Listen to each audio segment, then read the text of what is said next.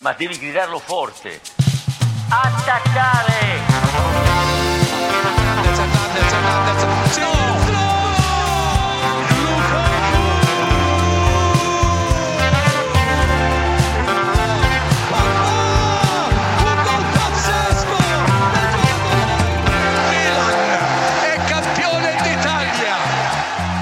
Het is maandag 8 mei, 4 over 6 s'avonds.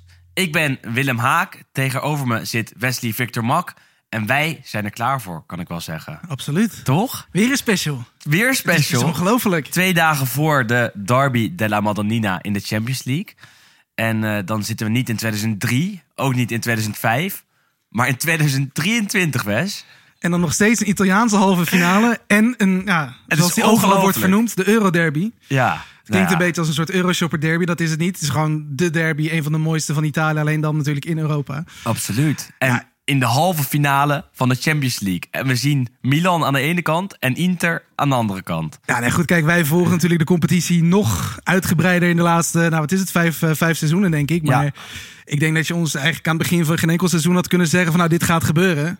En zeker Nee. dit seizoen niet. nee, nee, nee, nee. We hebben veel gekke dingen voorspeld. En we hebben het over veel rare zaken gehad. Maar, eh, nou ja, deze spant niet de kroon. Maar qua voorspelling eh, had je wel een, een hele dikke Unibet of Toto of eh, Bad City Bet gewonnen, denk ik. Ja, goed, kijk, we hebben nu natuurlijk dit seizoen en daar ging natuurlijk de vorige special over de Napoli kampioen zien worden. En dat was natuurlijk een stunt 33 jaar geleden, maar gevoelsmatig is dit, zeker uit het diepe Europese dal in ieder geval waar alle Italiaanse ploegen uitkomen, is het misschien nog wel een, een kleinere kans dat dit zou gebeuren. Zeker eh, aan het begin van het seizoen eh, bekeken.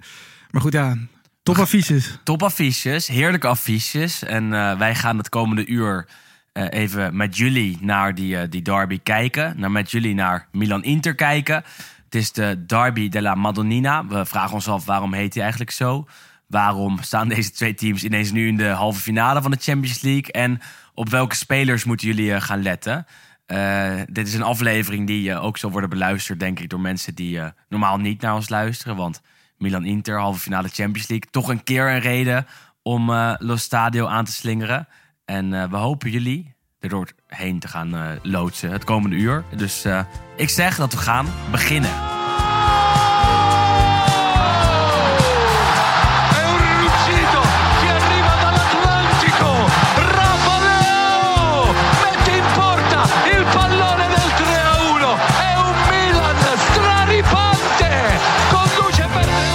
Gazzetta dello Stadio con Guglielmo e Wesley Vittorio.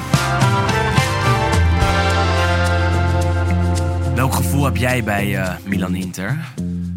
Ja, topwedstrijd. Ik bedoel, eh, we kennen alle derbies. We hebben zelfs gisteravond nog, want het is nu, eh, wat is het, maandagavond. Ja, Gisteravond hebben we natuurlijk de Super Classico nog even een klein stukje meegekregen tussen Boca en River. Nou goed, dat is natuurlijk oorlog op het veld. Waren weer, wat was het, acht rode kaarten geloof ik in de laatste, in de laatste minuten van die wedstrijd. We kennen in Italië eh, natuurlijk meerdere derbies eh, die, ja, de, de- die tussen Roma en Lazio, wat inderdaad ook vaak meer vechtvoetbal is. van Verona. Je hebt die van Verona, wat natuurlijk vooral lelijk is. Je hebt die van Turijn met tussen Juventus en Torino, Is vriendelijk, relatief. Je hebt, die op zich eh, wel te doen is, maar eigenlijk... de- Genoa moeten we niet vergeten. Zeker niet. maar inderdaad, ja, misschien wel de, de mooiste en meest speciale ehm, is die tussen, tussen Milan en Inter. En waar inderdaad heel veel derbies gekenmerkt staan tussen echte haat en nijd tussen nou ja, delen van de stad of, of fanbases binnen de, ja, ja, binnen de stad. Is eigenlijk, ja, misschien afgezien, afgezien van de paar kleine akkefietjes die we onlangs hebben gehad, natuurlijk rondom Zlatan en Lukaku in, de, in die wedstrijd, is eigenlijk een hele elegante derby waarin ehm, twee ja, nette ploegen staan. Het, het mondt zelden uit echt in, eh, in gevechten op de tribunes of ruzies op de tribunes of grote akkefietjes op het veld. Het is, Is vaak zo. inderdaad een, een zeer ja, vriendelijke, vriendelijke derby. Omdat je aan de ene kant eh, eh, een broer kan hebben die voor Milan is. En de andere is voor Inter. Het is een eh, hele eh, verdeelde stad, Milaan. Het is niet zo zoals in Rome dat men in Rome zelf heel erg voor AS Roma is. En in de periferie meer voor Lazio. Nee, in Milaan zie je dat het echt door elkaar heen zit. Wat erin resulteert dat het allemaal langs elkaar heen leeft. En dat je ook naar deze derby kan gaan als je voor Inter bent in een Inter-shirt, eh, terwijl Milan thuis speelt. En dat maakt het hartstikke mooi. Eh, ik ben zelf een stuk of 15 keer naar deze wedstrijd geweest. Dit is voor mij de allermooiste wedstrijd om eh, naartoe te gaan. voor iedere Interfan, toch? Ik Voor bedoel, iedere ja. Interfan, precies. Omdat ik toch altijd heel erg naar deze wedstrijd toeleef. En je, je, je merkt dat, dat er dan echt wat speciaals gebeurt in de stad. Het Domplein loopt langzaam vol op, op zo'n dag. Met Milan-sjaaltjes, met Inter-sjaaltjes. Eh, allemaal lopen ze daar ook al eh, langs elkaar heen. En eh, vaak wordt deze op zondagavond om kwart voor negen gespeeld in de Serie A. Dat is het traditionele tijdstip voor de Derby della Madonnina. Della Madonnina. En eh, dat, dat, dat maakt die dag altijd heel erg speciaal. En dan ga je samen naar het stadion om een uur of zes, half zeven. Loop je al langs een Milanista terwijl jij een Intersjaal of, of, of shirt aan hebt. En dan voel je al, dit, eh, dit wordt een eh, speciale avond. En eh, in het stadion, in San Siro, wat voor mij ook het mooiste stadion van, van Europa is, zie je dan aan de linkerkant de Curva Noord van Inter, aan de rechterkant de Curva Sud.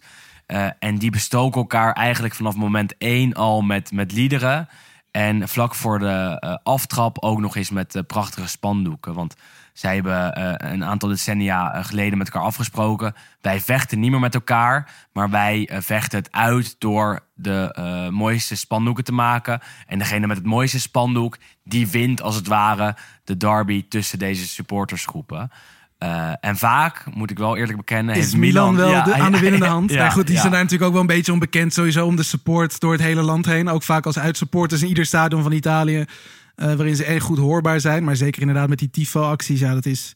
Je moet het even Heel opzoeken eh, van de afgelopen 10, 15 jaar. Want er zijn een aantal hele mooie doeken eh, langsgekomen. Ook aan Interkantoor. Eh, die, die, die van Inter, eh, die ik me het meest kan herinneren, is die van eh, 2012. Waarbij ze het Maria-beeldje volledig hebben uitgebeeld. En ze... eh, Ja, de eh, Madonnina eigenlijk. Precies, Ja. en ze laten zien dat, de, precies in dit beeldje, gewoon de La Madonnina zelf, dat die zwart-blauw is gekleurd. Eh, en aan eh, Milan kant denk ik direct aan een spandoek van Berlusconi. En van een ander historisch moment waarbij Hately kopt eh, in een derby tegen Inter. En dat zie je dan fantastisch uitgebeeld. Ik zal de foto's ook nog even op onze Twitter-pagina delen. Maar da- dat is al fantastisch. Qua spandoeken, qua San Siro, qua, qua sfeer al. En dan moet het voetbal nog beginnen, Wes. Ja, nee, goed. En dat is natuurlijk eh, ja, het, volgende, het volgende stapje. Het is natuurlijk ook wel echt een... Wat is het volgens mij de vierde keer dat ze elkaar treffen. Dus we hebben ook echt zeker... Goed, jij als Interfan, maar voor liefhebber denk ik van Italiaans voetbal... ben je automatisch liefhebber van dit soort, eh, dit soort wedstrijden. Ja, En goed dat je nu inderdaad vijf derbies in één jaar krijgt. dat is toch Dat is, fantastisch. dat is uitstekend. Ja, En de eerste werd gewonnen door... door Milan. 3-2. eh, met een eh, fantastische Leao. Dat was in september. Inter een verdedigende gatenkaas. Eh, en Leao maakte daar heel goed gebruik van. eh, meerdere keren. Eerst met een doelpunt in de eerste helft. Waarbij hij hem fantastisch met links inschiet. In de tweede helft een hele goede dribbel. Waarbij eh, ja, er drie, vier Inter-verdedigers worden uitgespeeld. En hij hem zelf vervolgens uit, tenminste uitspeelt en afmaakt. En eh, dat was de beste Leao ook. Dat was de beste misschien wel van het Van hele dit seizoen, inderdaad. Ja, dat denk ik ook. En de andere twee wedstrijden werden wel gewonnen door, eh, door Inter. Eén keer in de beker werd het eh, 3-0 en in de competitie werd het 1-0. De Supercoppa was de. Supercoppa. Ja. Ehm, en goed, ja, we hebben ook gelijk natuurlijk wat statistieken. Ik ben Ja, natuurlijk van Opta dingetjes, in, wat historische precies. dingen. De laatste Ja. keer dat Inter drie keer in één seizoen won van Milan was in 1994, 95. Dus Mhm. dat is natuurlijk al nou, het jaar eigenlijk dat wij allebei werden geboren ongeveer.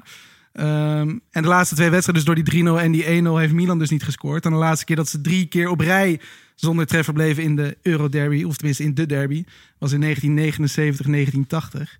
Dus dat is natuurlijk wel voor Inter een lekkere manier om daarheen te gaan. Zeker natuurlijk met de wedstrijd van afgelopen weekend, waar we even heel snel langs gaan. Ja. Milan laatste, waarin Milan weliswaar won. Eh, maar ja, sterspeler Rafa Leao zag, eh, zag uitvallen. Nou, wat was het? 10 minuten en eh, Met de 45 verrekking, seconden. verrekking van een spiertje. Heel erg onzeker of hij gaat spelen woensdag. Waarschijnlijk niet.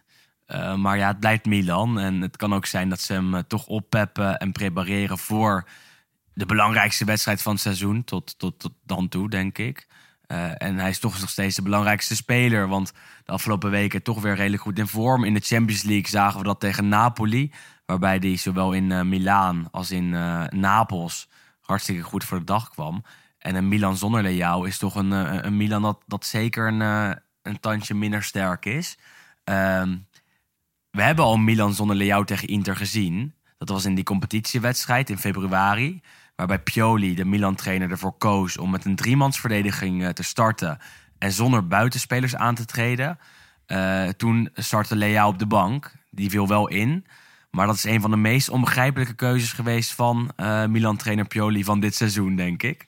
Dus voor Inter is te hopen dat, ja, dat die ja, er misschien weer op Nee, de bank maar goed, dit seizoen Leao is gewoon de- bijna de hele aanval van Milan. Ja. Want goed, Giroud heeft natuurlijk ook gewoon een prima seizoen waarin hij echt wel zijn doelpunten meepakt. Maar als je inderdaad kijkt naar goal involvements, dus goals plus assist, Leao eerste, shot involvements, schoten plus gecreëerde kansen, eerste, expected goals plus expected assist, ook eerste. Hij is gewoon zo belangrijk. En ook nu in de Champions League hij heeft, volgens mij heeft alleen Vinicius Junior van, eh, van Real Madrid, die natuurlijk ook nog steeds in zit, meer geslaagde dribbles.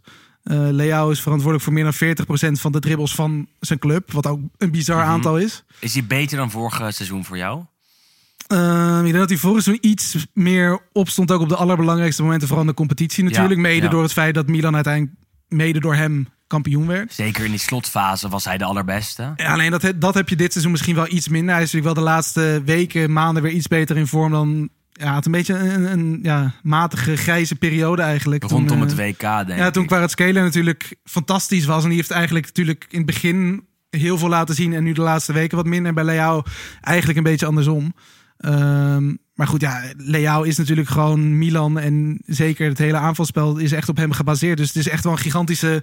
eh, ja, het scheelt een, eh, hoe zeggen we dat, een slok op een borrel of hij erbij is ja. of niet. Dus ik, Het, eh, ik mag hopen voor Pioli dat hij eh, goed Dat nieuws krijgt binnenkort. Ja, en bij, bij hem speelt natuurlijk ook mee dat zijn contract afloopt. eh, medio 2024. Al eh, heel lang zijn ze bezig met het verlengen van die verbintenis. Alleen het komt er maar niet van. En ik kan me voorstellen dat hij daar toch een beetje mee in zijn maag zit. Tegenwoordig, tenminste vandaag de dag, schijnt het zo te zijn dat hij eh, toch echt gaat verlengen. Dat ze heel dichtbij een eh, contractverlenging zijn. In januari, februari was dat veel minder het geval. En leek het alsof hij ging vertrekken. Eh, en ik kan me dat, toch voorstellen dat zoiets meespeelt in jouw seizoen en in jouw spel. Als jij misschien volgend jaar ergens anders actief bent. Hij dus de belangrijkste man aan, aan Milan kant, normaal gesproken. Ehm, eh, dan kijken we nog even naar hen, denk ik. Want we komen zo wel even bij Inter. Eh, Theo, jij noemde het net ook al, was afgelopen zaterdag tegen Lazio. Prima goaltje. Top, ja. Nou ja, goed, kijk, ik denk ook voor hem is het ehm, ja, een seizoen een beetje met vallen en opstaan. Eh, alleen gek genoeg hangt het bij hem dus vast aan zijn kapsel. ja, En het heel is, erg. en het, het is misschien heel erg oppervlakkig om, om dat te zeggen. En het klinkt een beetje humoristisch, maar het is echt zo. Hij moet naar de kapper Op het moment en dat een hij andere kleur haar hebben, een anders raar- ja, het niet. Nou, maar het is oprecht zo. dat Iedere keer als hij zich een, een gekke haarkleur of een gek kapsel aanmeet, speelt hij echt gewoon een week of drie fantastisch. Welke kleur heeft hij al gehad? Welke kleur heeft hij niet gehad? nee, maar het, Ja. het, het is heel bijzonder. Want inderdaad, iedere keer op het moment dat je zo de puntjes van zijn eigen haarkleur erdoor ziet komen, dan valt hij weer weg. Hij en heeft dan een smiley gehad ook, Ja. op zijn hoofd. Hij loopt nu inderdaad nu. met een soort knal, ja, zuurstok, Griezmann roze, ja, zeg maar. ja.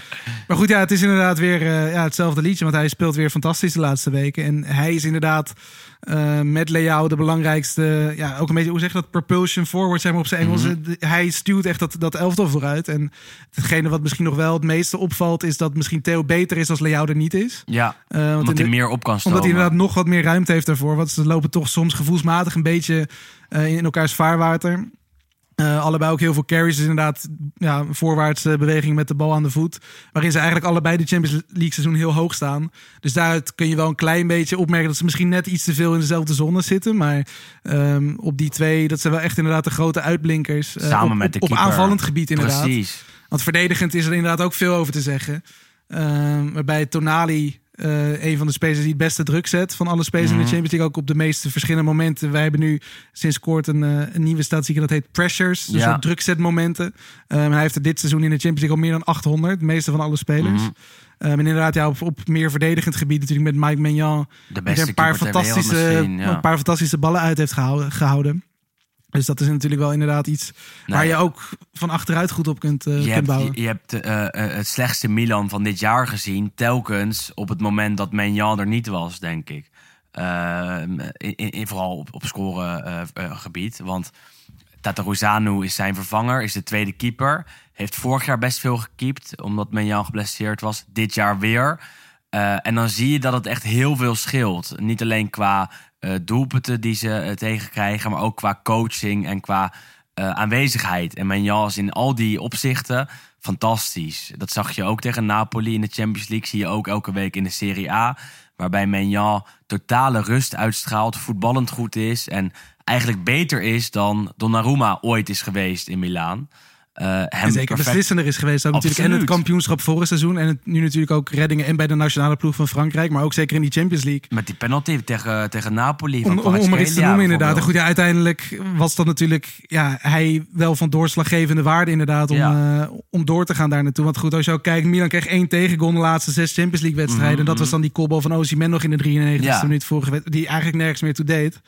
En in die eh, zes wedstrijden kreeg Milan 86 schoten tegen, 27 schoten op doel tegen en bijna 7 expected goals tegen. En dat pakte hij allemaal. Eén tegengoal en dat was, dat was die onnodig eigenlijk. En, en dit is wel een vraag die ik zo ook bij Inter ga stellen. Of jij en mij. Maar hoe kan het dat ze eh, in de Champions League wel presteren en in de Serie A heel wisselvallig zijn?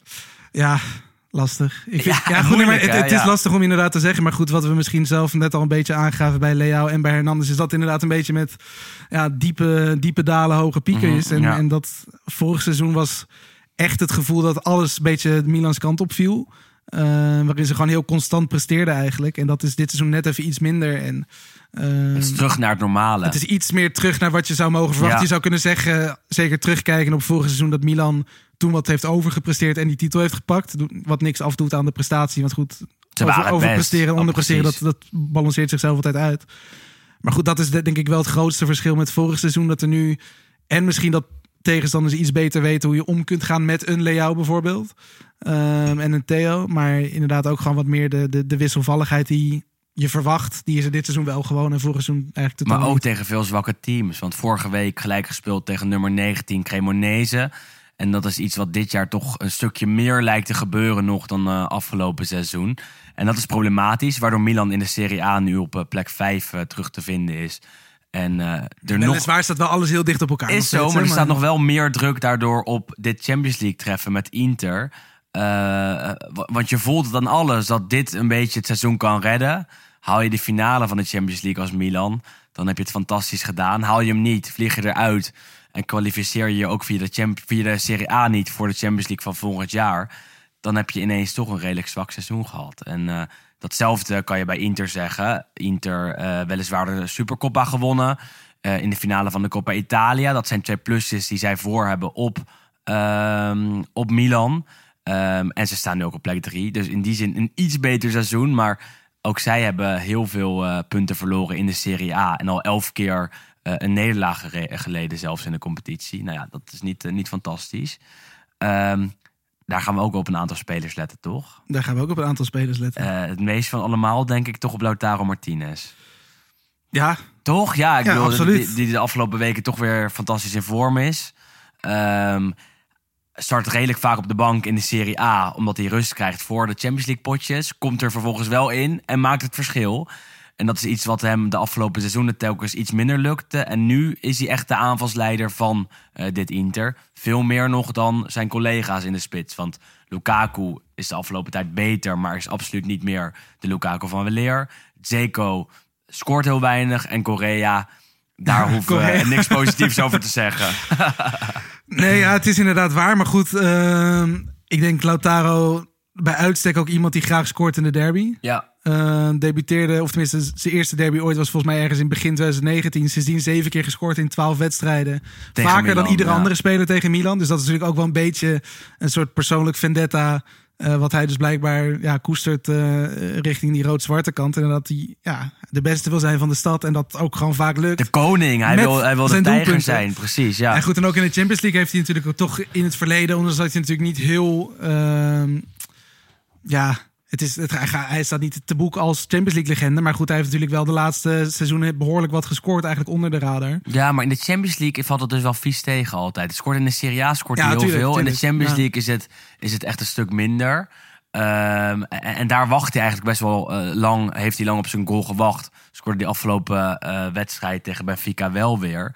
Eh, maar voor hem is het denk ik juist lekker dat ze nu dus tegen Milan spelen. Ja, favoriete komt het tegenstander precies. absoluut. Ja. Dus dan kan hij net weer in die Champions League vorm komen. En laten zien dat hij het ook op Europees niveau eh, kan. Terwijl het wel tegen een Italiaanse tegenstander is. Ehm, en daar is de verwachting dat hij naast eh, Lukaku zou gaan spelen, denk ik. Al is daar nog wel echt de twijfel erover. Want Zeko eh, speelt eh, vaak goed tegen Milan. Was in de Supercoppa tegen de Rossoneri een van de beste spelers aan de kant van Inter. Scoorde toen een hele mooie goal. En Lukaku, zoals net al gezegd, is pas de afgelopen weken goed in vorm geraakt. Even wel heel goed in vorm. Wel heel goed in vorm. Dus als ik Inzaghi zou zijn, zou ik altijd voor Lukaku samen met Lautaro kiezen. Lula, weer een ere hersteld. Alleen eh Inzaghi kiest vaak voor wat andere dingen dan, dan gebruikelijk. Ja. Eh, op het middenveld eh, daar ook wat, wat twijfel dingetjes, denk ik. Waarbij we zeker gaan letten op Barella. De beste man aan interkant van de afgelopen weken, denk ik. Die tegen Benfica fantastisch scoorde in San Siro. En zijn oude vorm ook weer heeft hervonden. Ehm, en het is afwachten naast wie hij gaat spelen. Çalhanoğlu tegen zijn oude club. Of Mkhitaryan. Of Brozovic. En ook daar, eh, daar gaan we naar kijken. Wie verwacht jij? Poeh, ja, lastig te zeggen. Ik moet ook even kijken natuurlijk hoe ze uit die wedstrijd van afgelopen weekend Ja. zijn gekomen. We waren natuurlijk ook niet eh, allemaal even, even fit. Maar ik denk inderdaad niet per se dat ehm, deze wedstrijd beslist wordt op het middenveld. Nee. Het goed wat we inderdaad net zeggen met. Leao op, op linksbuiten en Theo op linksachter. Ehm en dan inderdaad, ja, Lautaro, Lukaku is natuurlijk de aanvalslinie van, van Inter. Maar ik denk ook dat, zeker we, als we natuurlijk aan de ene kant dan Theo als Ja. linksback uitlichten, kunnen we aan de andere kant denk ik die Marco uitlichten. Eh de Champions League seizoen echt heel goed. Vier assists. Eh laatste Inter spelen met meer was Eto'o in 2010-11. Nou goed, je weet wat er toen gebeurde. Mhm. Ehm, Nou, dit jaar niet hoor, Wes. ja, goed, maar hij is inderdaad echt heel goed, eh, heel goed bezig. Een van de spelers met de meest succesvolle voorzetten van het hele Champions League seizoen. Komt uit de eigen jeugd van Inter. En dat maakt natuurlijk extra mooi. Dat je inderdaad ook een beetje een jongen van de club weer hebt als een soort club, ja, als uithangbord van, van, van Inter. Stond vroeger bij de harde kern, is er echt ingegroeid. Heel vaak verhuurd geweest. Onder meer eh, aan teams zoals Parma, ook nog in Zwitserland gespeeld. Eh, teruggekomen bij Inter en het eh, echt fantastisch aan doen. Zeker dit seizoen. De vervanger van Perisic. En hij laat zien dat hij eigenlijk niet heel veel minder is dan de Kroaat. In de zin dat hij net zo beslissend is en scoort en assist levert. En ook nog eens echt publiekslieveling is. En eh, voor Inter en ook voor de harde kern en voor de supporters is het mooi dat ze toch nog dat stukje herkenning hebben op het veld. Want Ja, goed, dat ontbreekt er best ja. eh, goed, aan. het, het, zegt niet, het, het zegt natuurlijk wel wat dat alleen Vinicius Junior ook hier dan weer één assist meer heeft gegeven. Die heeft er vijf en. Marco staat op twee met vier. Nou Ja, voor de linksback van Inter. Dat had je natuurlijk ook van, linkshalf moet ja, natuurlijk, maar goed, maar dat had je van tevoren natuurlijk ook niet echt kunnen voorspellen. Nee, Ehm, en denk ik ook bij Inter, wat misschien een beetje onderbelicht is. Ook omdat hij natuurlijk zeker in Nederland niet meer super populair is. Of nooit echt is geweest. André Onana. ja, ja, ja, ja, ja, ja, We kunnen er een beetje lacherig over doen. Nou, hij is wel populair geweest bij Ajax, ja, maar hij heeft het toen de laatste tijd niet. Maar nee, de ballen die hij eruit pakt in dat tweeluik met die Portugezen. Dat absoluut. is bizar. En En, heeft- tegen Roma weer afgelopen Hij heeft weekend. dit seizoen. Hij is inderdaad ook gewoon de beste keeper van de Champions League dit Mhm. seizoen. Want als je puur kijkt naar de statistieken. Eh, Veel statistiekjes vandaag. ja, expected goals op doel tegen. Eh, je hebt zo'n mooie statistiek dan goals voorkomen. Dus inderdaad wordt dan het verschil gemeten tussen de tegengoals die je krijgt. En dan die expected goals op doel die je tegenkrijgt. En hij staat volgens mij op plus vijf. Dus dat betekent dat hij gewoon letterlijk vijf goals heeft voorkomen. Mhm. En dat is meer dan alle andere keepers. Ja, nou, dat is toch top. Ja, als je dat ook nog eens hebt. Dus het is niet alleen Voor Inter een voorhoede. perfect. Waar Ja. je Leao en Giroud tegen Lautaro en, eh, en Lukaku hebt. Je hebt keepers, Menjal tegen Onana. Linksbacks, Theo tegen eh Di Marco. Het een, is, mooi, ja, een mooie confrontatie. Eh, in het verleden hebben we ook al een aantal keer eh, gezien dat Milan en Inter tegen elkaar opnamen in de Champions League. Eh, het is sowieso een eh, derby met een verhaal natuurlijk. En eh, zoals elke week hebben we even een column van Juriaan van Wessem om het eh, verhaal van deze wedstrijd te duiden. La settimana di Giorgio. Als je vroeger op Milano Centrale aankwam en als de broers van Rocco de monumentale trappen afdaalden en de drukte van Milaan tegemoet ging, duurde het niet lang of je werd opgezogen door de dagelijkse derby in die stad. Nog meer dan nu stonden er stalletjes met rood-zwarte of blauw-zwarte vlaggen op het stationsplein en soms zelfs door elkaar om de vreemdeling duidelijk te maken dat je in deze stad een keuze moet maken: Inter of Milan. Dat gebeurde zeker op basis van gelijkheid, al speelde in het begin van de jaren 80 Milan twee seizoenen een divisie lager. Ik kreeg beide clubs letterlijk met de paplepel ingegoten, want Milan en Inter waren tussen 1963 en 1965 de kampioenen van Europa. Onbewust kende ik die shirts al, voordat ik me bewust met voetbal zou gaan bezighouden. San Siro was een begrip, een uniek stadion, Want ook op de zwart-witbeelden uit die tijd was het imponerend. Feyenoord won daar zijn Europa Cup. Op foto's, ook in kleur, zag het er prachtig uit. Vooral vanwege die brede vlaggen die overal in dat stadion werden opgehangen. Toen ik er een slordige tien jaar later voor het eerst echt was, keek ik mijn ogen uit. Ik was San Siro binnengeglipt achter de rug van een tuinman. De deur stond open, zeg maar. Het stadion trilde nog na van een Europa-wedstrijd van Inter tegen Real Madrid, maar was nu helemaal leeg. Een avondzon daalde neer op de betonnen tribunes. Ik had een afspraak met Gianni Rivera voor de volgende dag en kon hem moeilijk zeggen dat ik nog nooit in San Siro was geweest. Dus daarom zat ik op dit uur op de tweede ring en zag in gedachten over Chinval scoren. Op dat moment was er nog niet zoveel veranderd in San Siro en dus was alles nog heel herkenbaar. Toen ik weer buiten stond, zag ik de marmeren platen bij de hoofdingang op de diagonale banen waarop de internationale successen van de clubs waren afgebeeld. In het begin van de jaren 80 waren dat oude successen, maar beide clubs waren wel wereldkampioen geweest in de jaren 60 en hadden toen ook twee keer de Europa Cup gewonnen. Dat Milan en Inter nu een halve finale in de Champions League tegen elkaar spelen is natuurlijk bijzonder en vrij uniek. Twintig jaar geleden was er ook al sprake van en bijna 60 jaar geleden had het ook al gekund. De derby is de ziel van de metropool Milaan. Maar dit keer komt het succes echt een beetje uit de lucht vallen. Toch hebben beide ploegen niks gestolen. Inter heeft de Portugese top onthoofd, maar was sterker dan Porto en Benfica. En Milan heeft tegen Spurs en Napoli ook op eigen kracht gewonnen. De stad Milaan, toch goed voor 10 eindzegens in de Europa Cup of Champions League, is dit jaar weer vertegenwoordigd in de finale. Dat had natuurlijk niemand durven denken aan het begin van dit seizoen. Maar de derby della Madonnina is dus wel de wedstrijd waar ook het verleden van afspat wanneer de spelers het veld opkomen. Het is eigenlijk DE derby. Lucia San Siro, di quelle sere, che di, c'è di strano, siamo stati tutti là. Ricordo il gioco, dentro la nebbia. Deze klassieke tekst van een hit van Roberto Vecchioni typeert misschien de sfeer van de derby della Madonnina het best. Die ontmoetingen in de Champions League van 20 jaar geleden kunnen we maar beter vergeten. Het waren twee gesloten wedstrijden waarbij een uitgescoord doelpunt van Shevchenko toen doorslaggevend was, terwijl geen van de twee ploegen één wedstrijd wist te winnen. Eigenlijk best wel frustrerend voor Inter, maar dat paste toen ook wel in die jaren bij die club. Milan trok aan het langste eind en pakte uiteindelijk de titel ten koste van Juventus na een penaltyserie. Maar bij Milan-Inter denk ik toch eerder aan de duels tussen Vaas Wilkes en Niels Liedholm. Tussen Gianni Rivera en Sandro Mazzola. Of aan de Duits-Nederlandse confrontaties rond 1990. Of natuurlijk aan die recente wedstrijden waarbij Zlatan en Lukaku met hun hoofden tegenover elkaar stonden. En natuurlijk aan die prachtige kobbel van Attila, hoog boven Fulvio Collovati uitzwevend.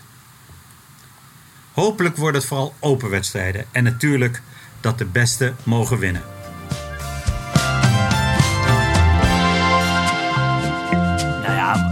Een aantal mooie derbies gehad dus. Eh, zoals Jurian ook zei, moeten we niet te veel eh, praten over die derbies van eh, begin 21ste eeuw. Tenminste, het kan wel. Maar voetballend gezien waren dat geen fantastische wedstrijden. We moeten nu echt hopen op wat mooiers, denk ik. Ja, dat wel. Maar goed, het is natuurlijk sowieso en opvallend dat dit nu al de vijfde keer is, of tenminste de derde keer eigenlijk, dat ze natuurlijk elkaar treffen Mhm. in een knock-out fase van de Champions League. Wat natuurlijk heel weinig andere steden is gegeven eigenlijk. We, hebben, Madrid natuurlijk, we hebben natuurlijk. Madrid gezien natuurlijk met Atletico tegen Real Madrid, ook natuurlijk in een keer in de finale.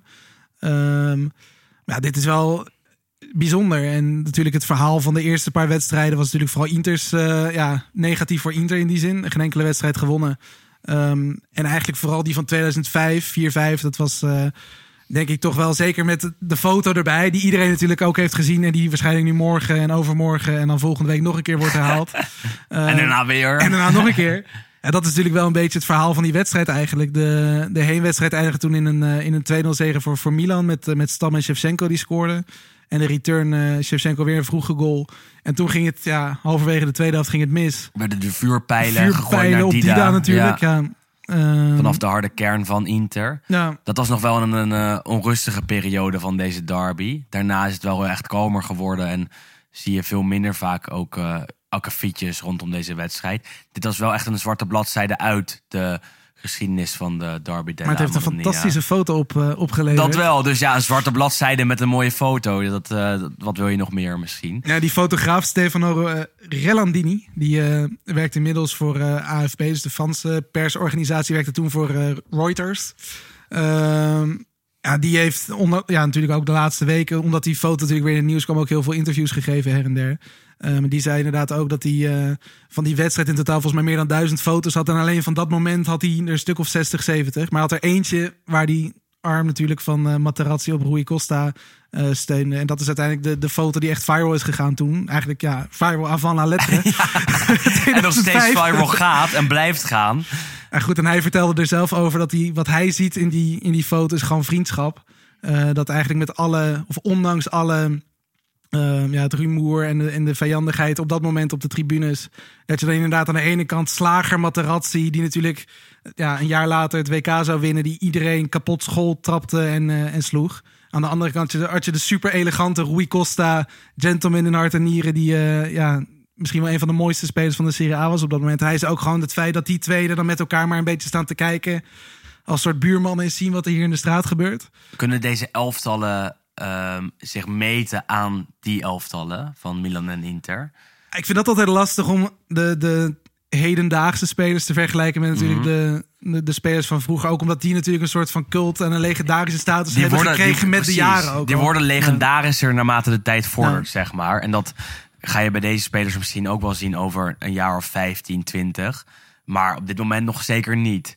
Al Nou ja, denk goed, ik maar als je alleen de namen ook kijkt wat er toen op het veld stond. dat bedoel ik. Ja, Shevchenko, is- Costa. ik ben dan Inter-fan of Interista. Ja. Maar, maar Shevchenko is een van mijn favoriete spelers ooit. En eh, dat, dat, dat, dat, dat, dat is opgebouwd naarmate de jaren vorderden. En dat eh, ga je misschien ook wel zien met spelers van nu. Met, met de Lautaro Martinez, die straks door jongens die, die, die nu de leeftijd hebben die ik toen had.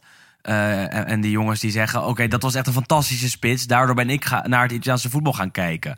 En daarvoor is dit natuurlijk wel een, een, een, een, een, een mogelijkheid. voor. maar als je ook inderdaad kijkt naar die, die, die opstelling van die laatste wedstrijd, wat voor namen daar ook tussen staan. Natuurlijk met Dida, Ja. Cafu, Nesta, Maldini, Pirlo, Seedorf, Ambrosini, Kaká, Crespo. Daar gaan En deze niet overheen. Nee, en ja. aan de interkant valt het wel een beetje tegen hoor. Want, Ja, Zanetti, Materazzi, Veron, Cambiasso, Adriano. Op zich ook niet nou, slecht. op zich wel mooi. Op zich wel mooi. twee Nederlanders op het toen. Eh, Stam. En? S- Stam en ehm Aan Interkant zelfs. Davids. Nee, rechtsbuiten. Nee, toch niet? Ja. Ja? En die van der En die van der Meijden, ja. Ik weet niet of die nog Mooie ergens quizvraag. ontduikt deze, deze week in zijn auto. Maar Die, eh, toen, toen ik naar PSV Inter ging, een aantal jaar geleden, werd hij opgepiept als VIP, als special guest. Nou ja, ze kennen hem nog hoor. En ze zongen, zongen hem toen ook vol toe. Dus in die zin is eh Andy van der Meijden zeker nog een eh, graag geziene interista aan, eh aan Milanese kant. Ehm, wat is jouw mooiste derby van de afgelopen jaren? Of, of die je hebt gezien? Oeh. ehm. Ja, goed, jij bent er natuurlijk. Jij hebt echt nog andere herinneringen daaraan. Dus Ik, heb, ik, ik ben er echt vaak geweest en ik, ik heb er echt wel veel herinneringen aan. ehm, aan meerdere derbies. Eén ervan is dat ik eh, naar eh, Milan Inter ging. En, en vaak ga ik dan met mijn vader. Eh, en, Milan speelde dit keer thuis. Ehm, en zij kwamen met 1-0 voor. Maar even daarvoor had ik al meegesprongen met een aantal anti-Milan nummers. En dat had de meneer achter me gezien. Dus Milan scoorde, maakte de 1-0 en die pakte mij vast en die dacht: ik ga even keihard juichen in het gezicht van deze 14 of 15-jarige eh, eh, jongen. Ehm, en ik dacht, nou ja, wat is dit nou? Misschien was ik net iets ouder trouwens. Maar even later eh, maakte Joel Obi eh, de 1-1 in de tweede helft. Legend. Dus de legend, ja, het, wa- het was echt een, een, een banter-era van deze derby. van, het, eh, van de derby. Het, de werd 1-1 tijd. en, en ik eh, dacht, weet je wat, eh, als hij dat kan, kan ik het ook. Dus ik juich en ik eh, draai me om en ik juich ook in het gezicht van deze eh, meneer met een eh, Milan-sjaal om. Eh, en dan denk je, het wordt misschien een beetje onvriendelijk. Want ja, eh, bij heel veel wedstrijden zou dat eh, best wel kunnen gebeuren. Maar was prima. Eh, want na afloop van de wedstrijd, het werd 1-1, tikte hij me op de schouder en gaf hij me een hand en zei: eh, Mooie wedstrijd. Ehm, en dat is toch het mooie aan zo'n derby. Hè? Dat, dat het toch eh, vol eh gejuich is naast elkaar en vol banter. Eh, maar dat het uiteindelijk toch goed komt eh, zodra het eh, laatste fluitsignaal heeft eh, geklonken. Ik zit even Ehm, die, oh, die opstellingen van die wedstrijd, dat was niet best toen, hè? Bij Inter. Nee, dat is die wedstrijd. Udo, Kuzmanovic. Ik ben er naartoe geweest. Ongelooflijk Ik ben in, in die tijd naar heel veel derbies geweest. En, en, en daarom zeg ik, ik ben er naar 15 geweest. Dit was een mooie herinnering. Mijn allereerste was mooi in 2012. Eh, dat was ook de eerste keer San Siro voor mij. Het werd toen eh, 4-2 voor Inter. Nou, je favoriete Ehm, speler die scoorde. Hattrick Diego Milito. Um, Dat was eh, toen al door de Champions League mijn, eh, mijn favoriete Interspeler. En dat is hij nog steeds. Eh, en als je dan voor het eerst naar San Siro gaat en jouw favoriete speler scoort eh, drie keer tegen de aardsrivaal. tegen de aardsrivaal, tegen Milan. En je hebt net dat fantastische doek gezien met La Madonnina erop. Dan, dan is dat echt een, een ervaring die je nooit meer vergeet. Ook al niet, omdat we daarna naar huis gingen of naar het hotel. Ehm, en eh, de rivaliteit tussen Inter en Juve begreep ik al wel, maar had ik nog niet zo goed door als nu. Ehm, want ik had eh, helemaal niet door dat eh Juve kampioen was geworden die avond. En eh, wij liepen, ik was met mijn zus en ook met mijn ouders, met z'n vijven naar deze wedstrijd. Enige keer ooit dat we met z'n vijven naar een wedstrijd zijn gegaan, geloof ik. Naar het hotel in Inter-shirt. Mijn ouders niet, maar goed. Eh, en we werden toegejuicht door Juventini op scooters van eh, dankjewel, dankjewel, dankjewel. Toen dacht ik, oh, hè, eh, oh Juve is kampioen geworden. Nou mooi, duim op opgestoken. Nou, dat nou, zou tegenwoordig dat meer doen, Wes. ja, goed. En, ja, er derbies paar. die ik nog kan herinneren. Dat ook een hele lelijk, ook een beetje uit het banter maar natuurlijk met de hele late gelijkmaker van Zapata. Ja, Nog steeds daar was ik volgens ook. ja. Nog steeds volgens mij de laatste goal die ooit is gescoord in de derby. Minuut 98, Zoiets. denk ik. Ja. Toen en was ook het, totaal ja. niet verdiend eigenlijk. 2-0 voor Inter in de eerste helft. Icardi, die zijn eerste doelpunt ooit tegen Milan scoorde. En eh, volgens mij Candreva. En eh, in de tweede helft was Milan beter met de fantastische Deulofeu. Scoorde Romagnoli in de 81ste minuut of zo de 2-1. En Zapata eh, maakte nog de, de gelijkmaker. Dit was in het jaar dat zij ook allebei heel slecht waren. Volgens mij werden ze toen ook... 2017 toen was het niet... dat was een dramatisch jaar voor allebei. Het ging toen echt om de derby en om de eer van de stad. Eh, wa- wat ook vaak in Rome zo is geweest. Dat ze niet om de titel strijden, niet om de Europese plekken. Misschien om de plekken in de UEFA Cup of Europa League. Maar niet eh, om, om de plekken die er echt vol te doen. En dan komt er nog meer druk op zo'n derby te staan. Eh, dat is deze weken wel anders. Hè? Het staat weer de andere kant op, denk ik. Want nu gaat het echt om veel. Het gaat om een plek in de finale van de Champions League. Waardoor je ook zeker weer gaat zien dat er heel veel druk op, op gaat staan. Ehm, ja, en nog een ander die, die, die, die, ik me ook eh, goed kan eh, herinneren is eh, ehm, een, een derby waarop het, waarin het heel erg gelijk opging. Eh 1-0 Inter, 1-1, 2-1, 2-2. Icardi met drie doelpunten, hat-trick. En het werd 3-2. Hij maakt de winnende penalty in minuut 89. Eh, doet je shirt uit, draait hem om en laat aan de harde kern van, van Inter zien wie hij is, Icardi. En eh, toen was hij echt populair eh, voor een tijdje. Eh, het is in die tijd en ook eromheen heel erg misgegaan tussen hem en de harde kern. Was daarvoor al een keer gebeurd, toen was het net weer goed, nou, enzovoort. Uiteindelijk ook met ruzie weggegaan bij de club. Maar mede door zijn doelpunten in de derbies, want ook een keer de winnende gemaakt in de eh 93e minuut met de kopbal, is Icardi nog steeds een van mijn favoriete, favoriete, favoriete interspelers van, van de afgelopen. Je, eh, je hebt wel iets tijd. met Argentijnse spitsen, hè, of niet? Ik hou van spitsen. En als spitsen altijd scoren en het altijd doen, dan, eh, dan ben je voor mij een, een man eh, naar mijn hart. En Milito was dat in heel veel derbies.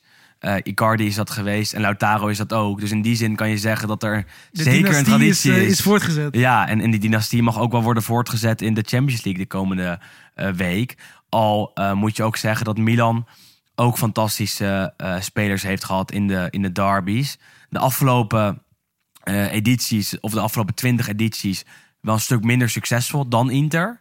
Eh, en ik merk nu ook dat Inter als favoriet wordt gezien. Nou, Misschien wel terecht. Ja, daar ging ik ook een beetje naartoe. We hebben, om nog maar een keer over statistieken Nee, dat te mag, praten. ja. De verhalen en de statistieken Ja, komen goed samen zo. En we hebben dus de Opta Predictor, waarbij we dus eigenlijk iedere voor, voor heel veel competities en vooral voor Europese bekercompetities eh, ja, berekenen wat eigenlijk de kans is dat een ploeg de volgende ronde haalt of het toernooi wint. Ehm, en wij hebben ook Inter op een uh, nou, Manchester City favoriet om de finale te halen en om te winnen. Die staan op 49% kans om het hele toernooi te winnen. Uh, en daarna op tweede plek Inter. Die hebben 57,5% kans om door te gaan naar de Ah, finale. ik dacht om, om de En Champions League te winnen. Ja, ook 20% kans om Meer dan. Real Madrid. Meer dan Real Madrid. Real Madrid Ja. staat op 17,7 en Wat Milan, is dit? Milan staat onderaan. ja, oké, ja, ja, ja. Op basis van de laatste wedstrijden, op basis van fitheid van de selectie, op basis van spelers, op basis van alles. Dus Maar als dat een kleine voorbode mag zijn, het is niet echt 50-50 als Leao er niet bij is. Dus dan is het inderdaad een, ja, in Dan dit is geval Inter favoriet. 58-42 is dan wel vrij, eh, vrij logisch. Maar dan merk je wel dat, ehm, dat als je naar de, de, de sfeer kijkt hè, en naar de, de media-aandacht, dat er wel wordt gedaan alsof Milan en Inter geen enkele kans maken tegen City en Real of Real in de, in de finale. Ehm, sluit jij je daarbij aan? Nee, niet per se denk ik.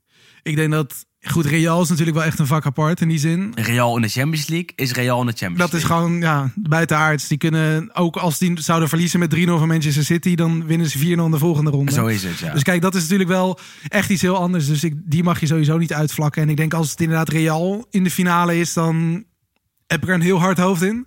City aan de andere kant, denk je dat dat bij uitstek een ploeg is die in ieder geval op Champions League niveau net altijd iets mist. Ik bedoel, als je door- de door de finale, gekke dingen Nee, maar van zelfs als je de finale verliest van Chelsea, wat ook niet echt een fantastisch Chelsea was. Ja, daar zitten toch wel heel veel dat je van die twijfelmomentjes dat je denkt van volgens mij gaat er hier iets niet helemaal goed. En ik denk dat het als City tegen Milan of City tegen Inter. Goed, City zal natuurlijk als favoriet op basis van de recente vorm die wedstrijd ingaan. Maar dan geef ik de Italianen echt wel een kans. gaat het toch weer een beetje kriebelen. Ehm, ja, ik, ik denk dat, dat deze teams eh, het, het goed tegen elkaar kunnen gaan doen. En eh, dat ze het fantastisch hebben gedaan door deze halve finale te halen. Alleen dat ze in de finale tegen een van eh, de andere teams die er nog in zitten, dus eh, kansloos zijn. Denk ik echt. Want Real is Real. En City is een City dat fantastisch is met deze Haaland. Dus dan ga ik een beetje tegen de statistieken in, Wes, als het mag. Natuurlijk, daar zijn ze voor. Ehm, nog even langs de, de landgenoten ook. Want deze podcast wordt veel in België beluisterd. Eh, en eh, een, klein beetje ook wel in Nederland. Gelukkig voor ons. Eh, we, we hebben er nogal wat aan allebei de kanten. Twee Nederlanders aan, aan Interkant. Dumfries en, en De Vrij. Eerst even hen langs, denk ik. De Vrij gaat niet spelen waarschijnlijk. Is dit seizoen veel geblesseerd geweest. En zijn plek is ingenomen door Acerbi. En dat is minder gek dan je zou verwachten, hè? Eigenlijk. Ja, nou ja, goed. Acerbi natuurlijk niet echt een, een, een hoogvlieger in die zin. Hij heeft natuurlijk bij vrij, ja, nou, obscuur niet per se, maar niet bij de grootste clubs gevoetbald. Sassuolo eerst, Lazio daarna. Ook bij Milan gezeten. En bij Milan helemaal toen, toen hij nog, ja, hoe oud was hij toen? Als een talent bijna werd hij het, daar eh, eh, gepresenteerd destijds. maar goed, ja, een fantastische voetballer is het niet. Nee. Maar, hij is degelijk. jaar, en, ja. dat, en dat is natuurlijk denk ik ook belangrijk. En, en zeker natuurlijk Italiaans centrum, wat je daar dan eh, inmiddels een beetje hebt gecreëerd. Met Bastoni natuurlijk ook naast. Ehm, heeft hij eigenlijk ook, misschien niet alleen de Vrij, maar ook Milan Skriniar.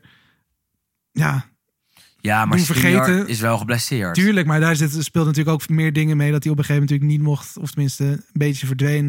Op het moment dat er natuurlijk bekend raakte dat hij de, zijn contract niet zou verlengen. Mhm. En hij heeft eigenlijk ook vrij geruisloos alles, opge, alles opgepakt. En het is niet dat hij heel erg overtuigen, of tenminste niet echt dat hij invloed heeft op de wedstrijden. Maar dat is denk ik als centrale verdediger goed, want dan maak je dus ook geen fouten. Hij is wel de leider van de verdediging eh, geworden bij Inter. Natuurlijk ook man Vrij met de meeste was. ervaring ongeveer. Ja, dat is het. En de Vrij was dat. Alleen die eh, maakt al een anderhalf eh, jaar of iets dergelijks best wel veel foutjes. En dus veel geblesseerd geweest. En dan zie je dat hij veel op de bank begint. En ook waarschijnlijk deze wedstrijden niet zo gaan, gaan starten. Ja goed, en dat trouwens over historische derbies. Ik denk dat een van de laatste wedstrijden waarin de Vrij nog, voordat hij echt werd afgerekend op die fout, was natuurlijk die, eh, die derby dat Giroud volgens mij binnen drie minuten twee keer bij hem Ja, wegdraaide en scoorde. Exact. Dat was natuurlijk misschien een beetje de, het begin van de ondergang van de Vrij toen de tijd. Ik denk dat dat was 2021, denk ik. Ja, absoluut. Waarbij eh, het was wel tijdens corona. San Siro niet helemaal gevuld. Eh, Inter veel beter, 1-0 voor. Maar uiteindelijk toch Giroud met twee treffers. En dat was eigenlijk de opmaat naar de titel van, van Milan uiteindelijk. Oh, er zijn zoveel mooie derbies geweest. Ik denk, denk nu ook namelijk aan de derby in het eerste jaar van Conte bij Inter. Bij rust 2-0 voor Milan. Eh, volgens mij twee keer Ibrahimovic. Ehm, en uiteindelijk wordt het 4-2 voor Inter. Omdat Conte het in de rust kon omdraaien. Staat bij mij ook in de top 3. Nog even terzijde, want die moet ik toch nog even benoemen. Ehm, zeker terugkijken waard. Zeker met radiocommentaar van eh, Francesco Repice. Die vaak in onze intro zit en het, eh, het echt goed doet. Als, als commentator in Italië. Dumfries aan Interkant, eh, wel zeker van een basisplek. Eh, Ja. Zeker de afgelopen paar maanden weer. En eh, er toch weer ingegroeid. Had het rondom het WK heel moeilijk. Kwam niet fit terug in Milaan. En eh, presteerde dit seizoen niet goed. De Ja, zeker niet zo overtuigend als vorig seizoen natuurlijk. en dat nog steeds niet. Maar Ja. de afgelopen week is hij wel beter. Ook afgelopen zaterdag weer een assist eh, tegen Roma. En je ziet dat hij er toch wel weer iets meer in komt of in lijkt te komen. Ehm, en hij heeft geluk dat Skriniar geblesseerd is. Want door de blessure van Skriniar is Darmian een linie teruggezakt. En speelt Dumfries eigenlijk altijd. Dat kan ook niet anders, want zijn vervanger Bellanova, die kan er niets van. Nee, precies. Ja. Dat is het seizoen van Dumfries. En eh, de Milanisti eh West, de Ja, goed, Lukaku vooral. hebben we natuurlijk al eh, Ja. benoemd in die zin, dus dat hoeven we niet echt. Exact. Goed, als we dan inderdaad even beginnen misschien bij de, eh, bij de Belgen aan eh Milan kant, is dat natuurlijk een vrij treurige situatie. Ja, ja. We Ik hebben, zou er heel graag heel veel van maken, maar ja, meer af- dan treurig. Ja, afgezien van Alexis Salemakers, die dit seizoen ehm, tegen Napoli heel goed was. En ook de gelijkmaker maakte tegen Roma twee weken terug in de ja, laatste minuut. absoluut. Ehm, dat waren natuurlijk wel een beetje zijn persoonlijke hoogtepunten. Verder niet een heel erg opvallend seizoen. Maar ik denk vooral de andere drie Belgen bij, bij Milan, ja, dat valt gigantisch tegen. Ehm zitten natuurlijk allemaal niet zo lang Charles de Ketelaar, en Oh, Divock Origi en Aster Franks. Nou, ja, We beginnen bij de ketelaren Ja. ook voor. De miskoop van het seizoen. Ja, Vind ik, persoonlijk. pijnlijk, maar het is, het is wel waar. Ik denk, eh, zijn reputatie was misschien een beetje vooruitgesneld in die zin. Hij heeft natuurlijk, vro- ja, tenminste op jonge leeftijd gewoon heel goed gepresteerd in, eh, in Brugge bij Club.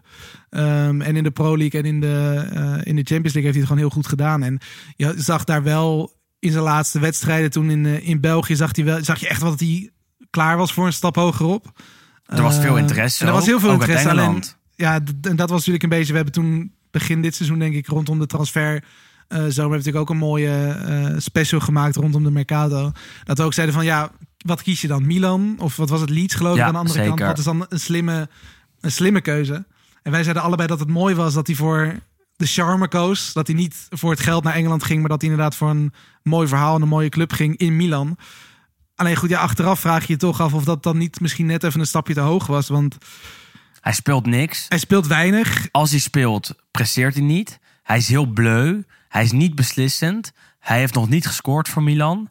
Hij heeft één assist. één assist geleverd. Net als de keeper. Hij komt wel vrij voor de keeper. Weet dan niet wat hij moet doen. En hij heeft wel 35 miljoen euro gekost.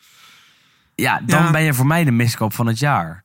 Eh, en, en dat vind ik echt jammer. Ik had veel vertrouwen in hem. Want Milan had vorig jaar en heeft nog steeds een probleem met creativiteit. Hij is een speler die dat probleem had kunnen oplossen. Maar hij blijkt niet in staat om te voldoen aan de eisen bij Milan. En het is toch een, een, een bleuwe jongen, een, een, een, een, rustige jongen... die ineens bij een, eh, groteske, wereldse grote club eh, Nou, terechtkomt. maar goed, bij hem misschien dat. En dat is dan het enige wat je nog ehm, als Milan-fan een beetje misschien hoop kan geven. Is dat hij heeft nu wel, wat had het, 29 wedstrijden gespeeld, geloof ik. Maar heel veel invalbeurten. Hmm. En de wedstrijden waarin hij dan wel mocht beginnen, was het dan ook het B-elftal praktisch. Omdat Pioli Ja, natuurlijk flink aan het roleren was. Dus dat he- maakt het dan natuurlijk ook niet makkelijk. Maar ja, inderdaad Tottenham ook nog het was, het, het, het was heel zonde. En, en goed, Ja. eigenlijk geldt een beetje hetzelfde verhaal. Dus nog voor die andere aankopen tussen aanstekens met Origi en Franks. Die, ja, Origi heeft eh, nog amper gezien eigenlijk. En Franks nog helemaal niet. Origi wel een dik contract. Ja, Verdient 6 miljoen euro netto per jaar. door geblesseerd te zijn en eh Door niet te heeft nog scoren. niet heel veel gedaan. En uh, Franks, ja, die wordt gehuurd. Dus daar kan je weinig Ja, zinnigs zit wel over zeggen. Ja, wat is een optie tot koop van Ja. 12 miljoen geloof ik van Wolfsburg. En die willen ze misschien wel lichten, maar dan wel met korting. Eh, en Lukaku, ja, nog heel even behandelen. eh, misschien aan de interkant als, als Belg. De afgelopen weken goed in vorm. Eh, lijkt weer terug te komen op zijn oude niveau. Scoorde tegen Empoli twee mooie goals. Eh, tegen Lazio goed voor twee assists. En afgelopen zaterdag tegen, ehm, eh, tegen Roma ook goed voor een doelpunt. Eh, dus voor hem is het te hopen dat hij dat kan, kan doorzetten. En voor Inter al helemaal. Want een goede Lukaku is een hartstikke goede Lukaku in de Serie A. En in de Champions League ook iemand die het verschil kan gaan maken. Ehm, best wel veel behandeld al, denk ik, Wes. Belangrijkste vraag. Ga je erheen? Ja, dat is echt een pijnlijke vraag, Wes. Ik vind het jammer dat jij die eh, aan mij moet stellen. Dat is onderdeel van het... Ik eh, heb afgelopen vrijdag heb ik eh, vijf uur in de wachtrij gestaan. met heel erg veel hulp van Richard, Interfan. Die heeft een seizoenkaart. En via hem mocht ik kaarten kopen. Ik in de wachtrij en ik kwam er maar niet doorheen. Uiteindelijk was ik er doorheen. Was er voor die groep, want ze hadden een speciaal aantal kaarten voor die groep gereserveerd. Niks meer beschikbaar. Vandaag zat ik in de trein terug uit Rotterdam. Ik had met Emil Schelvis opgenomen. Een eh, podcast die speciaal voor onze vrienden van de show eh, gemaakt is. En door hen te beluisteren is. Dan betaal je 2,50 euro per eh, maand. Maar dan heb je wel toegang tot allerlei exclusieve Nou, content. als je het omrekent, wat Toch is dat dan? toch 50, een- 50 cent per luisterbeurt. Een dikke aanrader, zou ik zeggen. En dan heb je dus ook eh, een podcast met mij en de Italië-kenner van Nederland eh, in je eh, podcastplayer. Ehm, maar ik zat in de trein terug en ik wilde kaart kopen voor Inter. Sta weer in de wachtrij. En ben er doorheen om 14 uur 30, letterlijk. Ik was de honderdste in de wachtrij. En er zouden er heel veel achter me staan, denk ik. Ehm, dus ik had twee kaarten en ik wil afrekenen. En die site klapt eruit. En ik kan niet afrekenen. Dus eh, ik moest weer achteraan aansluiten. Ik eh, er doorheen op een gegeven moment. Met wat hulp van Richard weer, die echt heel goed heeft geholpen. Ben er doorheen. eh, want wij dachten, we hadden een kleine glitch gevonden. Blijkt het zo te zijn dat ik er wel doorheen ben. Maar in de wachtrij heb gestaan voor een andere wedstrijd. Omdat ik die van Inter tegen Milan niet aan kon klikken. Dachten we, dan proberen het zo. Nou ja, niet gelukt. Dus ik heb, denk ik, zeven uur van mijn leven eh verspild. En heb geen kaarten, maar ik heb wel een vliegticket en ik heb wel een hotel.